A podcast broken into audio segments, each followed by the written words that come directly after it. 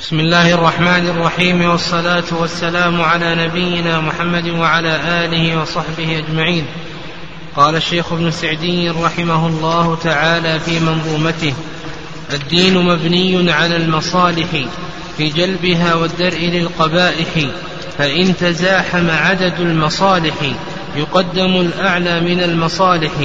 بسم الله الرحمن الرحيم الحمد لله رب العالمين والصلاة والسلام على نبينا محمد وعلى آله وصحبه أجمعين. تقدم لنا ما يتعلق بقاعة النية وأخذنا جملة من المسائل المتعلقة بقاعة النية. بقينا في مسألة أخيرة نختم بها نختم الكلام على هذه القاعدة وهي ما يتعلق بالتشريك في القاعدة في النية. ما يتعلق بالتشريك في النية.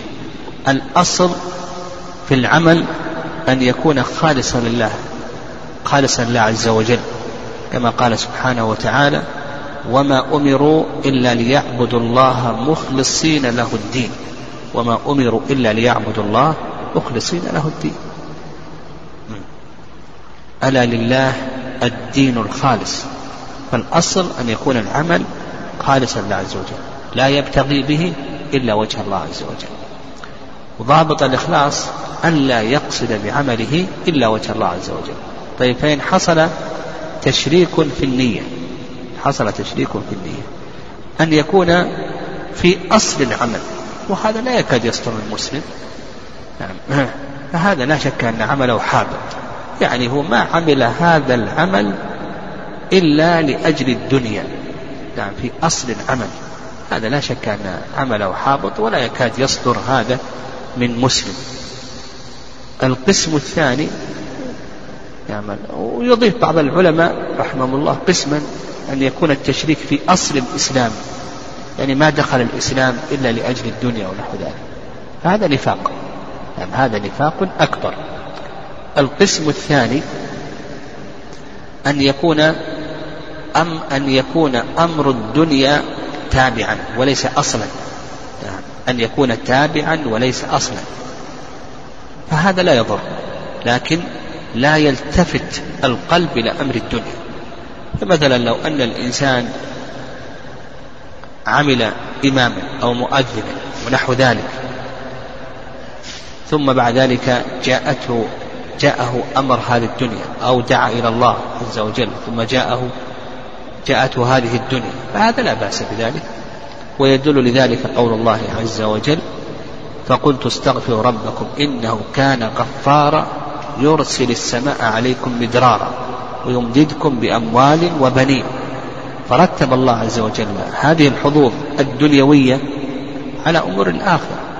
قال النبي صلى الله عليه وسلم تابعوا بين الحج والعمرة فإنهما ينفيان الفقر والذنوب. قال الفقر والذنوب كما ينفي الكير خامة الحديث والذهب والفضة. القسم الثالث القسم الثالث أن نعم.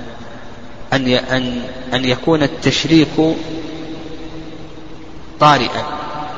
أن يكون التشريك طارئا.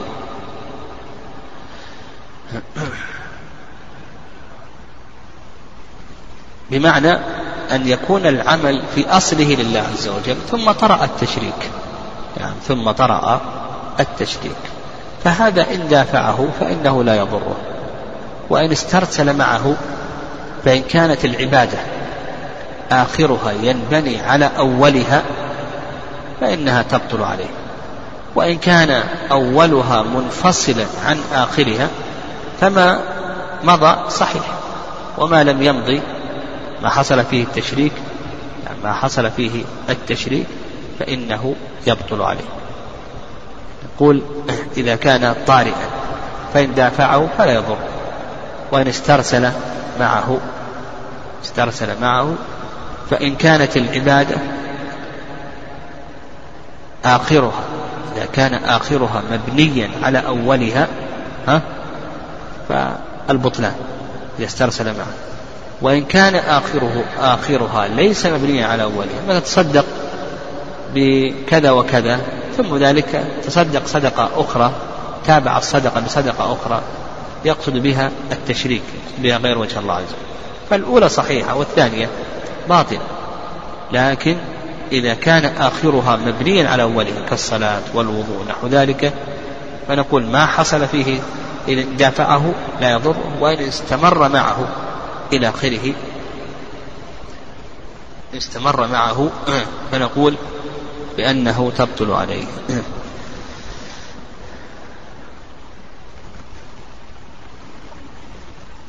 القسم الأخير أن أن يكون التشريك مقارنا مقارن النية فهذا يعني إن غلب إرادة وجه الله عز وجل العمل صحيح.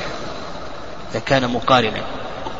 غلب إرادة وجه الله نقول بأن العمل صحيح. لكنه ناقص الأجر. لكنه ناقص ناقص الأجر.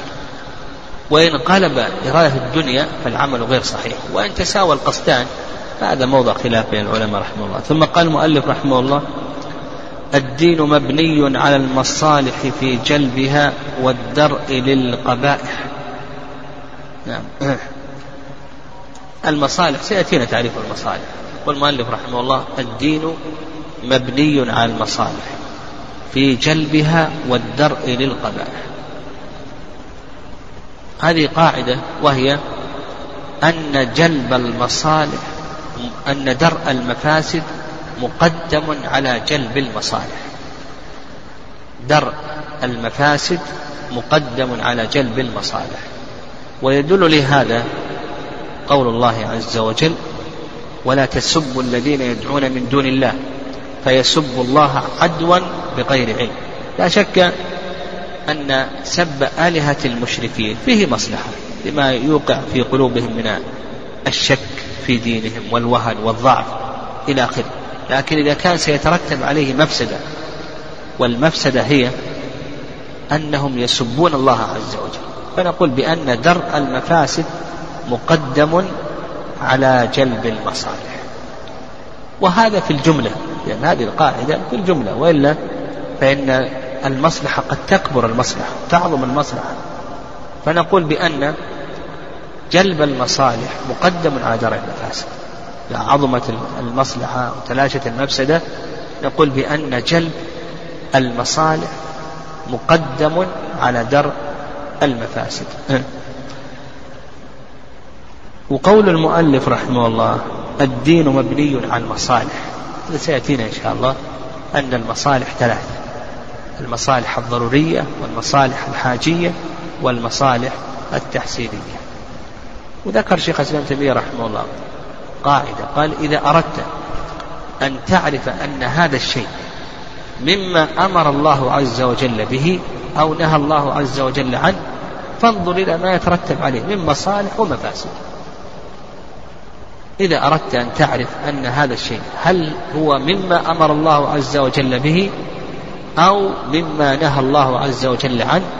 فانظر إلى ما يترتب عليه من مصالح ومفاسد. فإن كان يترتب عليه المفاسد فهو مما نهى الله عز وجل عنه.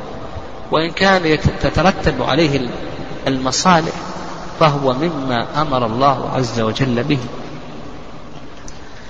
قال المؤلف رحمه الله فإن تزاحم عدد المصالح يقدم الأعلى من المصالح. قبل ذلك قول المؤلف رحمه الله الدين مبني على المصالح. ذكرنا أن المصالح تنقسم ثلاثة أقسام. القسم الأول المصالح الضرورية والقسم الثاني المصالح الحاجية والقسم الثالث المصالح التحسينية. المصالح الضرورية ما هي المصالح الضرورية؟ نعم المصالح الضرورية هي كل ما يعود بحفظ الضرورات الخمس. هي كل ما يعود بحفظ الضرورات الخمس. الدين والنفس والعقل والمال والعرض. كل ما يعود بحفظ الضرورات الخمس. الدين والنفس والمال والعرض والعقل. وأنت إذا تأملت الشريعة تجد أن الشريعة جاءت بهذه الضرورات الخمس بحفظ هذه الضرورات الخمس. فالدين جاءت الشريعة بحفظه والصور حفظ الدين كثيرة. ها؟ من صور حفظ الدين؟ الدعوة إلى الله عز وجل هذا من صور حفظ الدين. تقوية الإيمان بكثرة العبادة تعلم العلم الأمر بالمعروف والنهي عن المنكر قتل المرتد إلى آخره. هذه صور كثيرة لحفظ الدين. طيب حفظ النفس ها؟ نعم تحريم قتل النفس المعصومة. إيجاب القصاص إيجاب الدية إيجاب الكفارة. بل مجرد الإشارة إلى المسلم بالسلاح هذا محرم ولا يجوز. إلى آخره. هذا من حفظ ماذا؟ النفس. العقل نعم تحريم المسكرات والمفترات إيجاب الدية كاملة في الجناح العقل الأمر بالتص... بالتدبر والتفكر مما ينمي العقل العرض والنسل ها؟ تحريم الزنا تحريم القذف تحريم اللواط الأمر بالنكاح تسهيل أمر النكاح إلى آخره. المال ها؟ نعم المال الأمر بالمكاسب المباحة تحريم المكاسب المحرمة السرقة الرشوة الربا إلى آخره. قطع اليد يد السارق قتل المحارب في المحاربة إلى آخره. فنجد أن الشريعة ولله الحمد جاءت بحفظ ماذا؟ هذه الضرورات الخمس التي اتفقت عليها الشرائع. القسم الثاني أو من الضرورات ها؟ أو من المصالح المصالح ماذا؟ الحاجية. والمصالح الحاجية هي كل ما يحتاج إليه لرفع كل ما يحتاج إليه لرفع الحرج والمشقة. والشريعة ولله الحمد جاءت بالمصالح الحاجية فجاءت برخص السفر.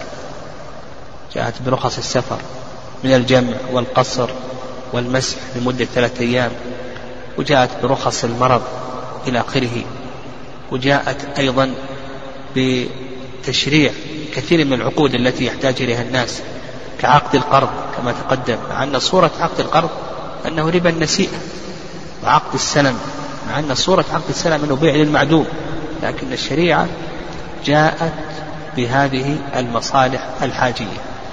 كذلك أيضا القسم الثالث المصالح التحسينية. يعني المصالح التحسينية هي كل ما يعود إلى محاسن الأخلاق ومكارم العادات. كل ما يعود إلى محاسن الأخلاق ومكارم العادات جاءت الشريعة به جاءت الشريعة سوى الفطرة؟ قص الشارب ونتف الإبط وحلق العانة جاءت بالغسل جاءت بالوضوء جاءت بإكرام الضيف وبصلة الرحم وبر الوالدين والصدق والأمانة إلى آخره. وبهذا يتبين لك كما ذكر المؤلف رحمه الله أن الدين مبني على المصالح. يعني أن الدين مبني على المصالح. قال فإن تزاحم عدد المصالح يقدم الأعلى من المصالح. عندنا تزاحم المصالح والمقصود بالمصالح أوامر الشارع لأن أوامر الشارع يقصد منها المصالح. فإذا تزاحمت أوامر الشارع أو تزاحمت المفاسد يعني نواهي الشارع تزاحمت الأوامر فإن هذا ينقسم إلى ثلاثة أقسام. القسم الأول أن يتزاحم واجبان. فهذا فهنا نقدم أوكد الواجبين. يتزاحم واجبان نقدم أوكد الواجبين. مثال ذلك عنده دراهم. إما أن يشتري طعاما يأكله فيحفظ نفسه وإما أن يقضي الدين الذي عليه. كل منهما واجب أو كلاهما واجب لكن حفظ النفس أوجب من قضاء الدين. نقول يقدم حفظ النفس. القسم الثاني أن يتزاحم سنة أن يتزاحم واجب ومستحب. سنة. فنقول بأن نقدم ماذا؟ ها؟ نقدم الواجب. يقدم الواجب. يتزاحم عنده في هذا المال إما أن يتصدق به وإما أن يقضي الدين الذي عليه. ونقول بأنه ماذا؟ يقضي الدين لأن الدين واجب. القسم الثالث والأخير أن يتزاحم سنتان مستحبتان يتزاحم سنتان يتزاحم مستحبان فهنا نقدم أفضل السنتين وآكدهما. والتفضيل بين السنن هذا له صور. يعني نتكلم عليه إن شاء الله غدا. سبحانك اللهم. لا إله إلا أنت أستغفرك وأتوب إليك